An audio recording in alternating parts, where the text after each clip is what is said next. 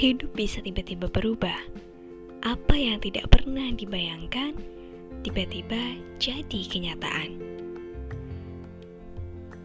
Tiba-tiba tidak bisa beraktivitas leluasa, tidak bisa nonton bioskop, tidak bisa hangout, tidak leluasa beribadah, tidak leluasa bekerja, tidak leluasa ngemol.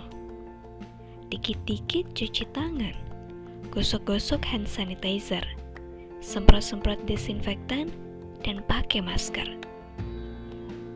Jelang dua pekan, seruan di rumah aja mungkin bosan tengah melanda. Namun, tahukah Anda, di luar sana banyak yang merindukan bisa di rumah aja seperti Anda.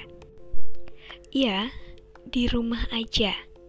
Bukan berarti tidak bekerja, namun pola hidup kita yang tengah berubah rupa.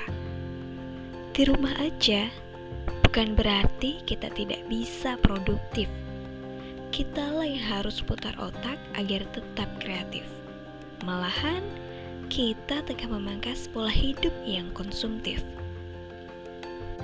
Di rumah aja, mungkin tak pernah terbayangkan dari matahari terbit hingga terbenamnya kita bekerja di luar, kadang tak sangkal rindu anak istri.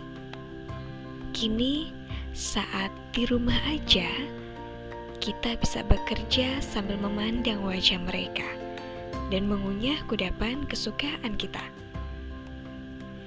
Sementara yang di luar sana masih ada yang harus bekerja untuk kelangsungan hidup yang lainnya. Masih banyak yang bertaruh nyawa demi menyelamatkan nyawa yang lain. Kita yang di rumah aja masih bisa berkontribusi membantu mereka lewat apa pun yang ada di tangan kita.